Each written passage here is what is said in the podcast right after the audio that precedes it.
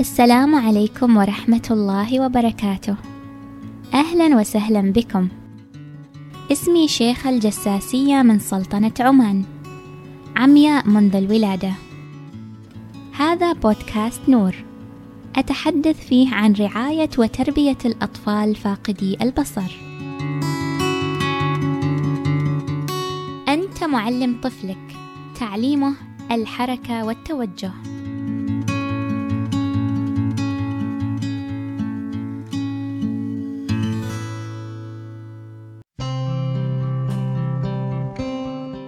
مرحبا بكم مجددا في حلقة جديدة من بودكاست نور. أتمنى أن تكونوا مستفيدين مما أقدمه في هذه الحلقات. يمكنكم دوما أن ترسلوا لي ملاحظاتكم أو أي استفسارات أو اقتراحاتكم لبعض مواضيع الحلقات القادمة. أنت معلمه الأول.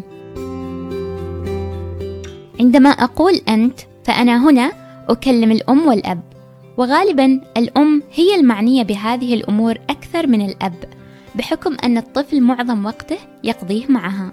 أنتوا اللي تعرفوا وتفهموا الطفل في المراحل الأولى من حياته. كيف تشجع طفلك على الحركة والمشي؟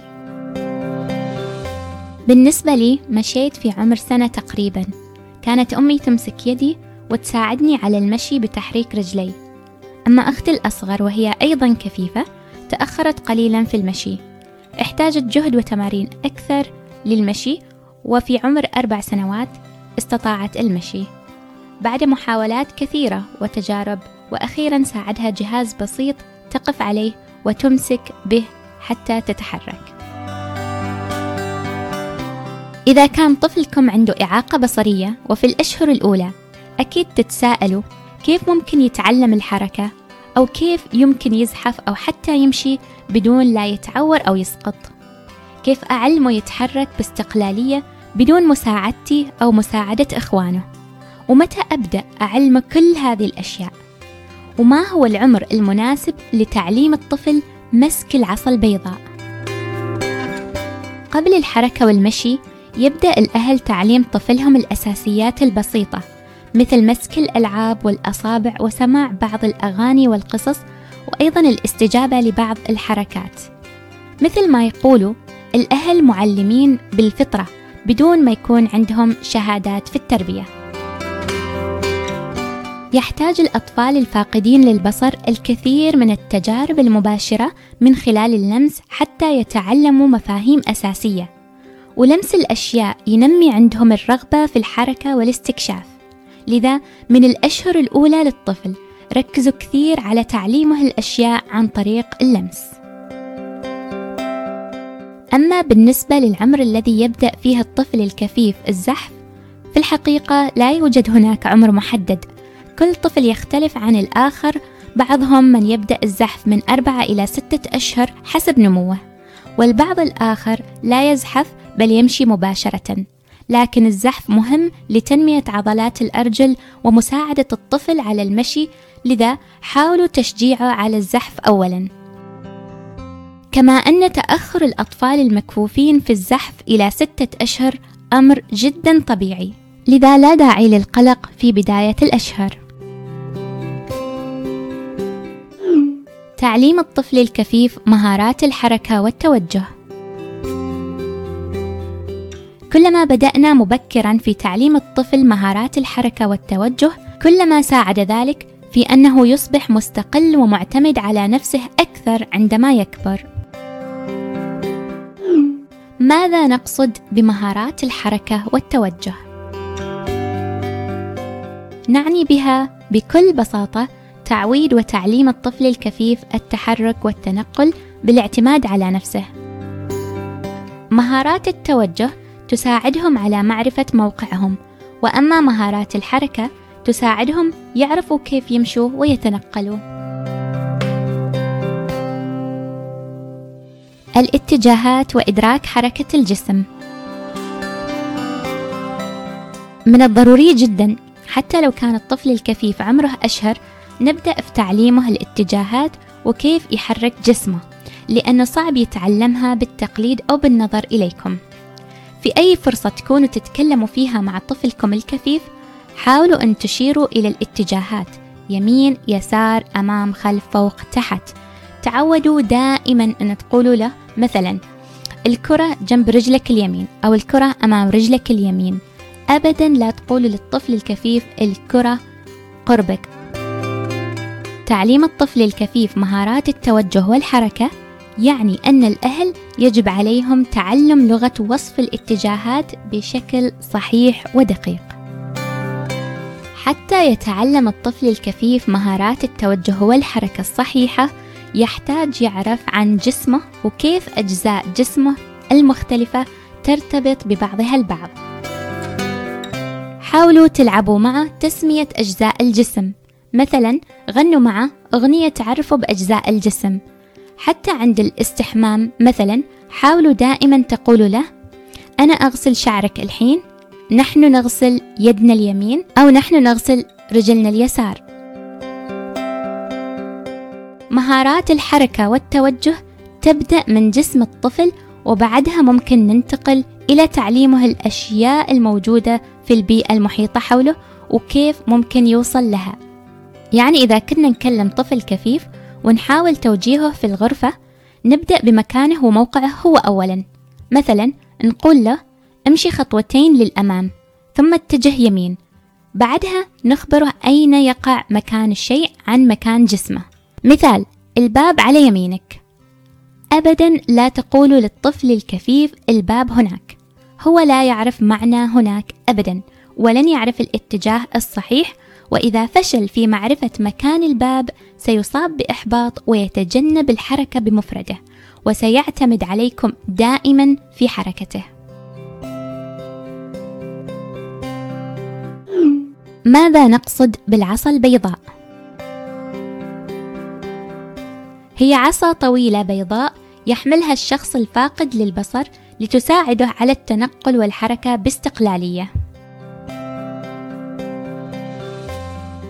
قرأت في بعض المصادر الأجنبية أنهم يشجعوا الأهل يعطوا الطفل الكفيف العصا البيضاء الصغيرة قبل حتى ما يبدأ المشي، لأن العصا المفترض ترافق الشخص الفاقد للبصر طول حياته، فمن الضروري أنه يتعرف عليها منذ نعومة أظفاره. هذه النصيحة ممكن تكون شيء مثالي ورائع وبالفعل بتخلي تقبل العصا البيضاء أمر جدا سهل مستقبلا هم يعتقدوا أن الأهل إذا ما أعطوا طفلهم الأداة المناسبة للحركة فما راح يتشجعوا يمشوا. العصا البيضاء بترافق الطفل طول حياته فلازم يتعود إنها تكون جزء منه مثل لبس الحذاء تماما حتى لا يرفضها مستقبلا ويشعر أنه مختلف عن أقرانه. وإن شاء الله بتكون هناك حلقة خاصة للعصا البيضاء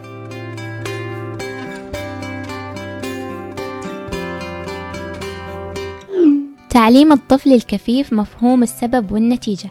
كيف يكون ذلك؟ لما تعطي الطفل لعبة الخشخاشة مثلا ويحاول تحريكها وتدويرها تبدأ تضرب في الأرض أو جانب المهد فيبدأ ينتبه أن هناك أشياء حوله. ممكن تعملوا هذا التمرين مع أشياء مختلفة موجودة في البيت مثل الملاعق أو الأعواد غير الحادة والخفيفة حتى لا تؤذي الطفل.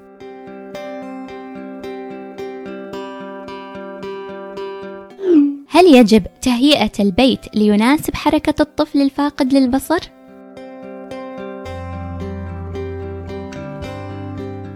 في العادة لما يكون عندنا طفل في البيت الأهل يحاولوا يهيئوا البيت ليكون آمن لحركة الطفل لكن هل تحتاج إلى عمل حواجز ووسائل أمان أكثر لأن طفلك فاقد للبصر؟ لا أبدا لا يتوجب على الأهل المبالغة في تهيئة البيت مثلما تهيئ لطفلك المبصر حاول أن يكون البيت مهيأ بنفس المستوى. كل ما تفعله لطفلك المبصر بيستفيد منه الطفل الكفيف.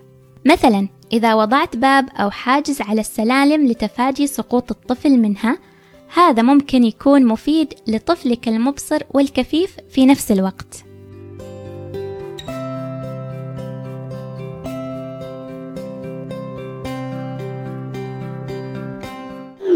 حوادث السقوط. من الطبيعي أن الطفل لما يبدأ يتعلم المشي والحركة يتأرجح وممكن يسقط. في هذه الحالة قيم الموقف هل أصيب أو الأمر طبيعي؟ إن لم يتأذى فتجاهل الأمر واجعله يتابع حركته بشكل اعتيادي. القاعدة الذهبية اللي دائما أكررها أي شيء تفعله لطفلك المبصر افعله مع طفلك الكفيف. الأمر لا يختلف أبدا.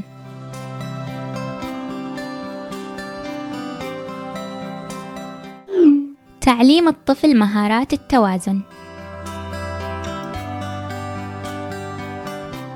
كيف نعلم طفلنا الكفيف يتوازن في حركته ومشيه وما يسقط؟ إذا كان يمشي وهو مستند على السرير أو الكراسي امسك يده الثانية وخليه يمشي. وممكن تشتري له لعبة القفز أو الترامبولين مزودة بعمود يمكنه التمسك به والقفز وهو ممسك به هذا بيساعده كثير على التوازن والحركة بشكل أفضل هل من الطبيعي تأخر المشي لدى الأطفال المكفوفين؟ يتأخر بعض الأطفال المكفوفين في المشي وهذا لا يدعو للقلق أبدا. لكن يتوجب عليكم تعليمه يتعرف على الأشياء الموجودة حواليه من خلال الأصوات وتحفيزه على الزحف باتجاه الأشياء أو باتجاهكم.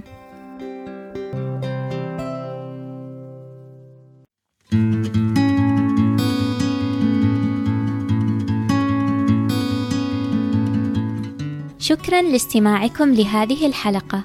إن أعجبكم محتواها فلا تنسوا الاشتراك ومشاركتها مع الآخرين. وإن كانت لديكم أي ملاحظات أو استفسارات يمكنكم مراسلتي عبر تويتر أو البريد الإلكتروني podcastnoor at gmail.com